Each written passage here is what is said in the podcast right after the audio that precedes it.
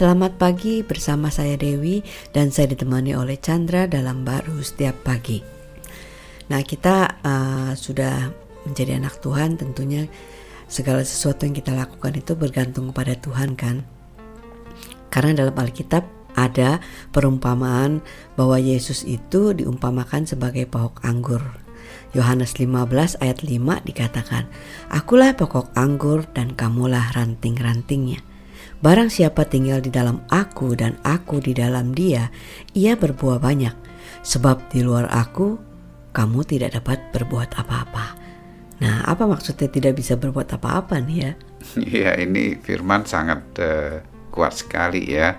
Uh, menunjukkan bahwa di luar Tuhan itu seperti kita ini tidak bisa berbuat apa-apa ya. Walaupun kelihatannya berbuat sesuatu yang luar biasa. Iya, kalau kita lihat ya eh, ada orang berpikir ya sejauh perbuatanmu ada Tuhan gak ada Tuhan ya hmm. ada aja hasilnya kan. Iya betul. Ya kan seperti itu.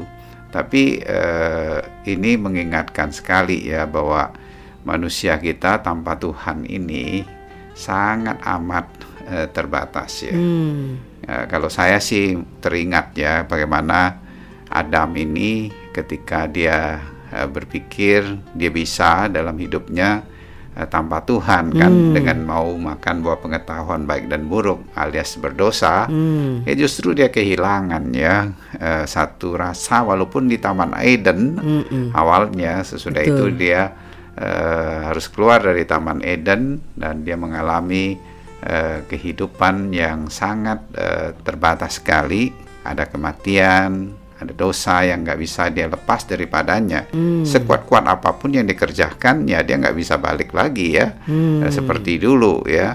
Uh, Taman Eden yang indah atau bisa merasakan satu damai, sukacita, tapi ketakutan aja yang ada.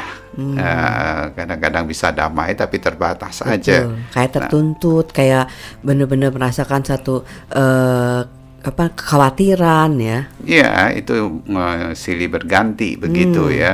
Uh, maka itu uh, Tuhan itu tahu itu bahwa manusia sudah tidak bisa lah dari kekuatan dirinya kan. Betul. Sehingga itu dia datang ya dengan kasihnya begitu besar dalam rupa manusia. Hmm. Nah, untuk apa? Untuk bisa menebus ya Tuhan kejatuhan daripada manusia itu melalui kematian dia sehingga dia bisa uh, dapat membebaskan kita ya, ya menyelamatkan kita. Ketidakberdayaan kita gitu ya. Ya, sehingga ada kehidupan dia. Hmm. Dia berikan kepada kita.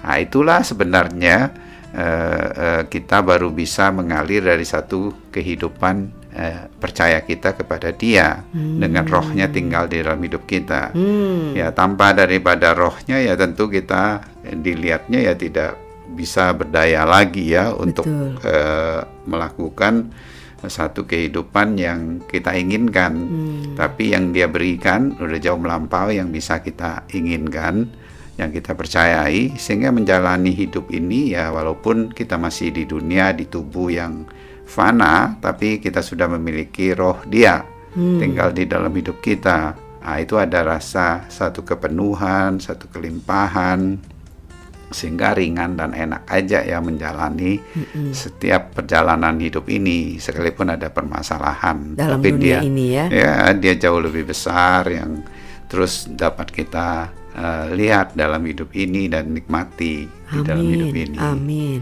Amin.